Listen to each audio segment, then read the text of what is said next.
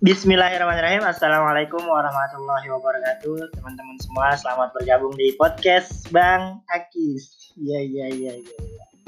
Podcast Bang Akis adalah podcast yang akan membahas segala hal yang tentunya insya Allah akan menghasilkan sebuah manfaat. Insya Allah.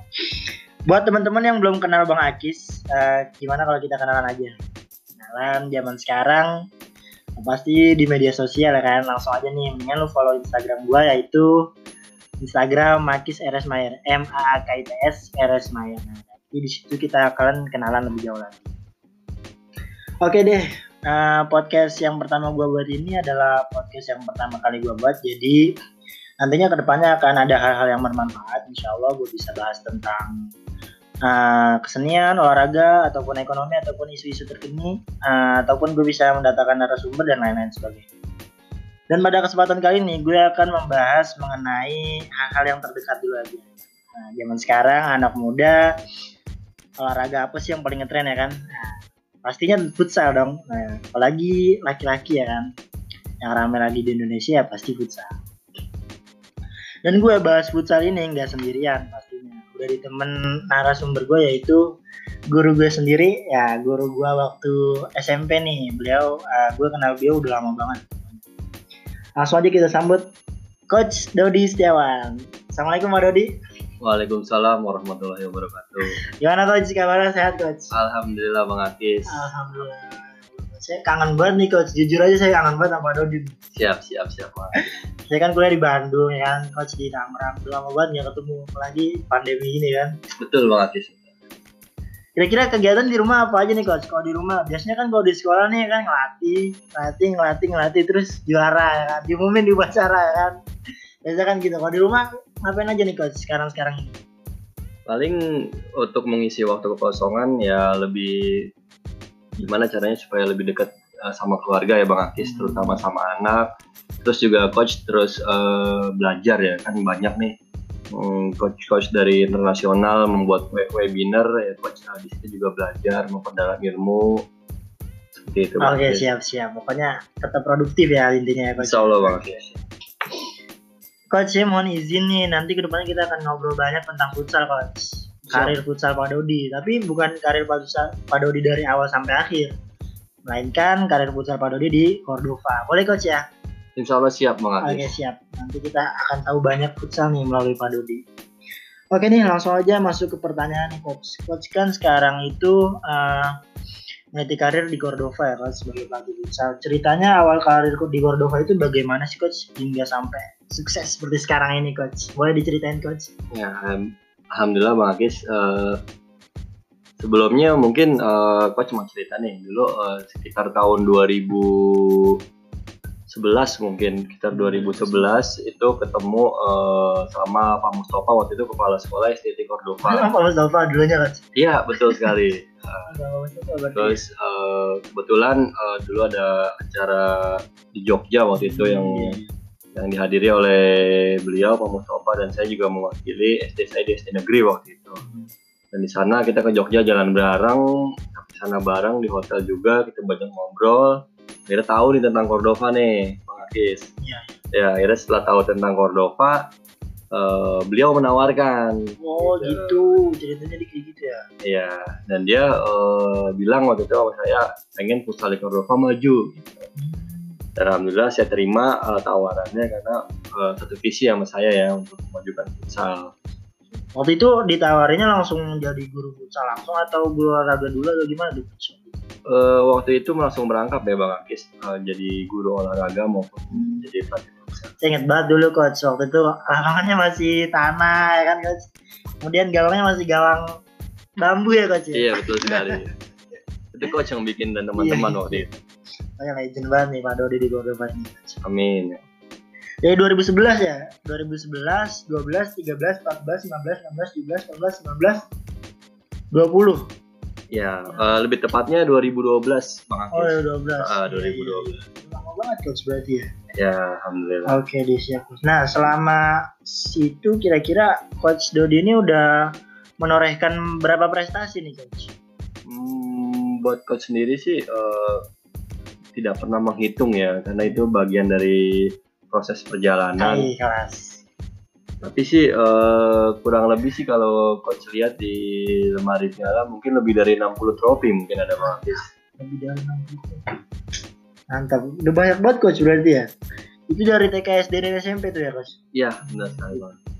Oke deh coach, sudah 60 trofi berarti.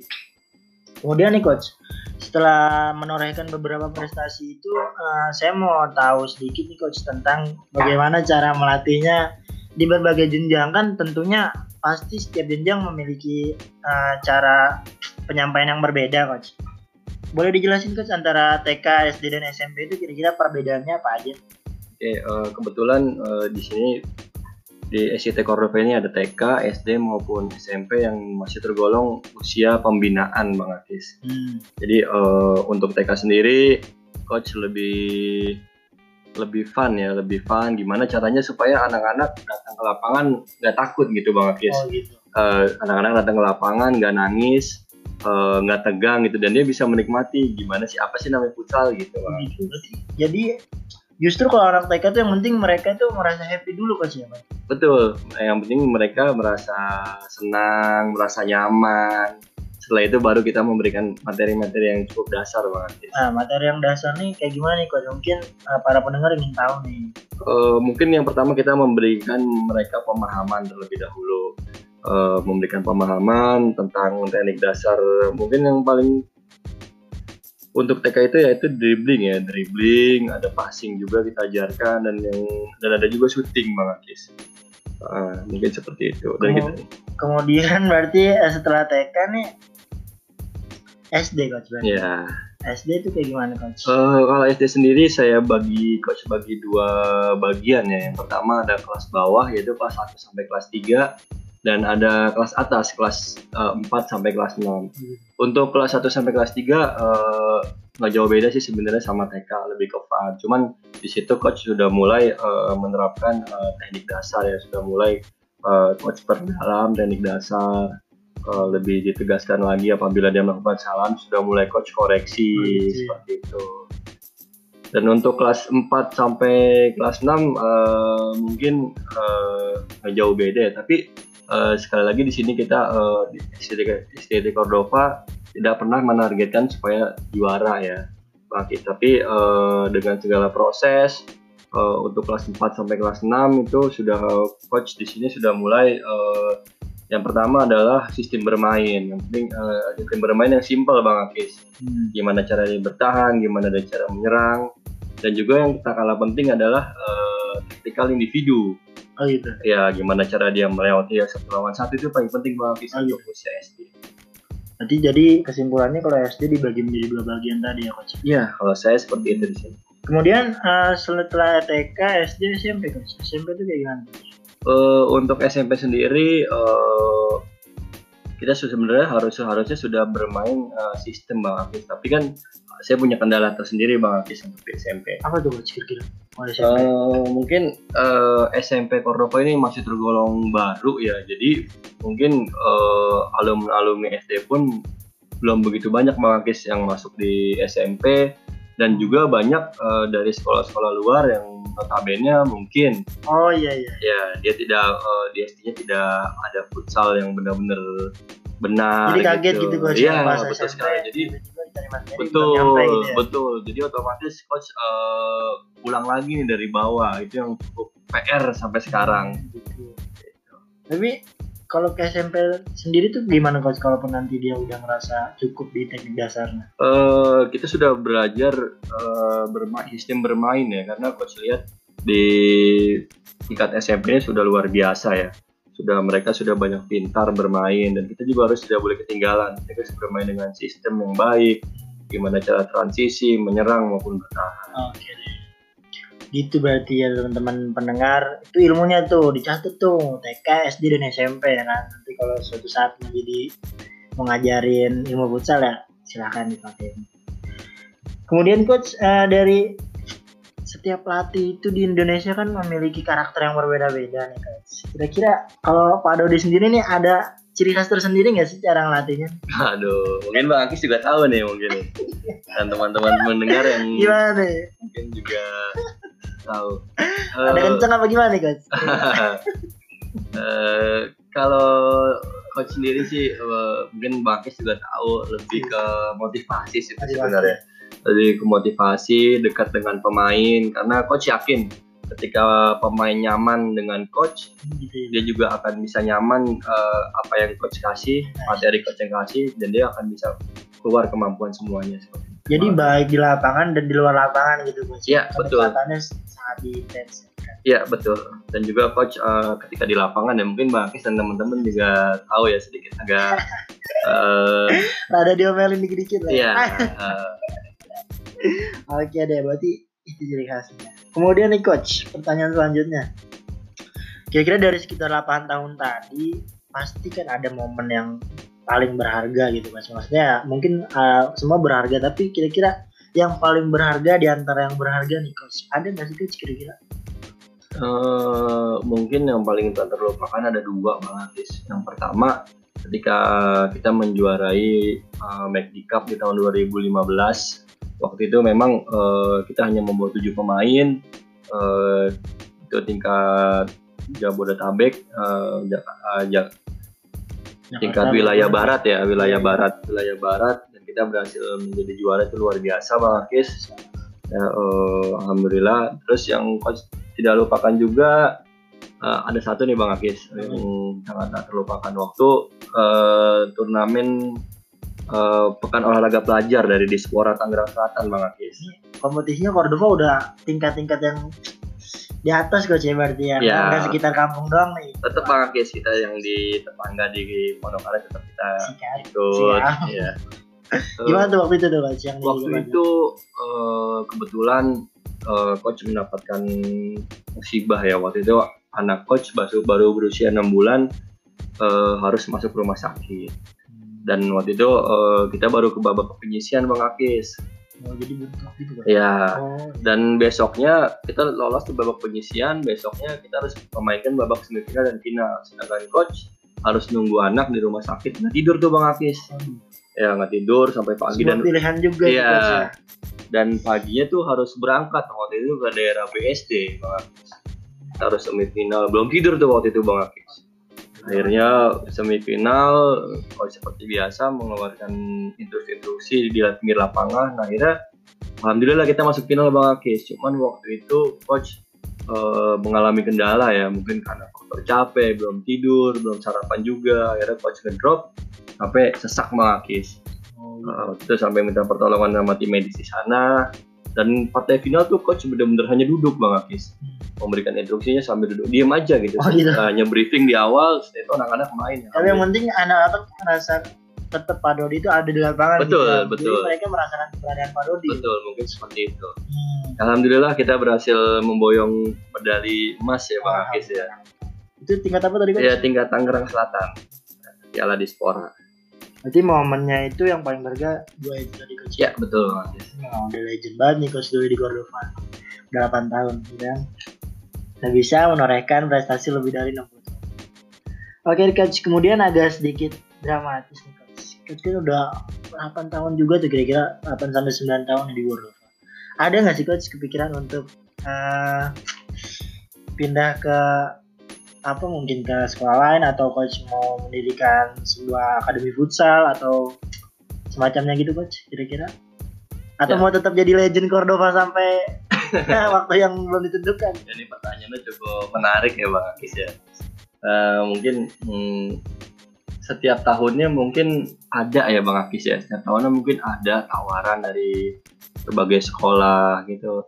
Ya tapi alhamdulillah uh, rezekinya coach masih di sini coach masih sama-sama berjuang di sini dan juga uh, di Cordova sendiri memberikan support yang sangat luar biasa buat coach, buat tim itu yang membuat membuat nyaman mungkin.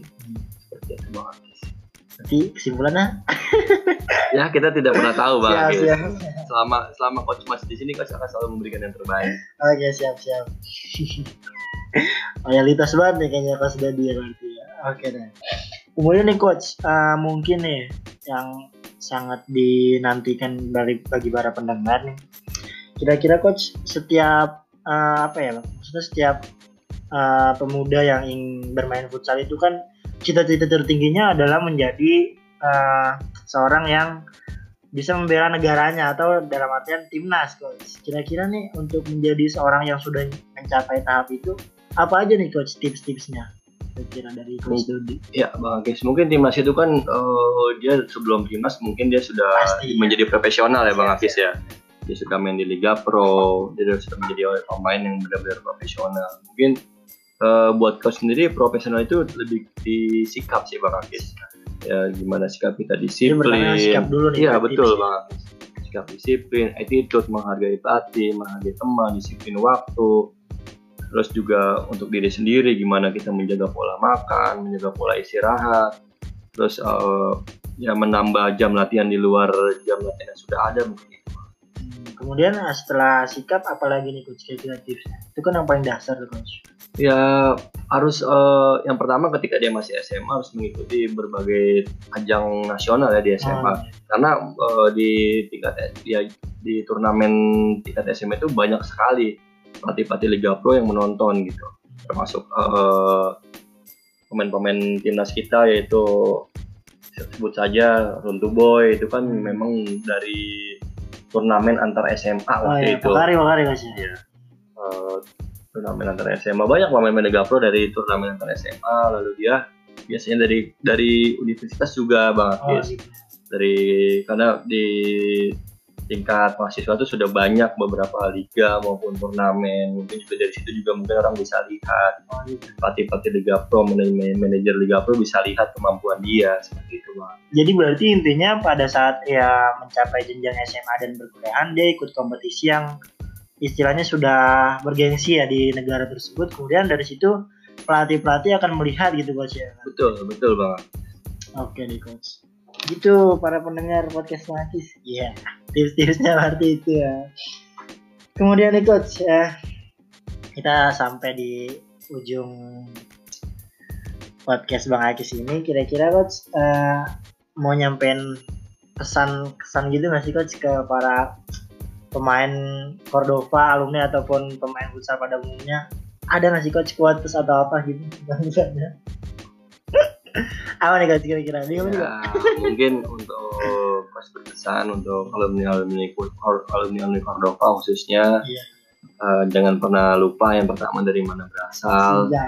ya iya. termasuk Bang Akis iya, ya dan juga uh, apa yang sudah diajarkan baik-baik di sini diterapkan di luar seperti itu. Oke, okay, coach. Itu aja banget ya. Hmm, jangan lupa dari mana kita berasal karena sesungguhnya pada saat kita sudah mencapai kesuksesan itu awalnya kita dari mana gitu coach ya. Betul. Siap, siap. Oke deh coach, kayaknya dicukupkan aja nih untuk uh, episode kali ini. Siap, siap. Nanti kalau ada kesempatan kita bikin lagi coach. Uh, kemudian bagi teman-teman yang mau tahu uh, profil Coach Dodi seperti biasa kita mengenalnya dari media sosial aja. Apalagi kalau buat Instagram. Kira-kira nama uh, Instagramnya apa Coach? Boleh disebutkan? Uh, Dodi Dodi Setiawan CRDV. Siap. Iya. Yeah. aja. Profil Instagramnya aja dipakai underscore dopa. Loyal banget. Yang underscore nggak Coach? Uh, iya. Oh iya, Dodi Setiawan underscore CRDV. Iya. Langsung aja di follow. Nanti pasti di follow. Oke deh coach, terima kasih ya untuk uh, episode kali ini. Siap banget. Yes. Dan buat para pendengar itu dia tadi obrolan yang insya Allah akan ada manfaatnya lah insya Allah ya. Kali ini di sisi futsal nanti gue juga bisa bahas apa pun itu yang insya Allah ada manfaat. Terima kasih. Assalamualaikum warahmatullahi wabarakatuh.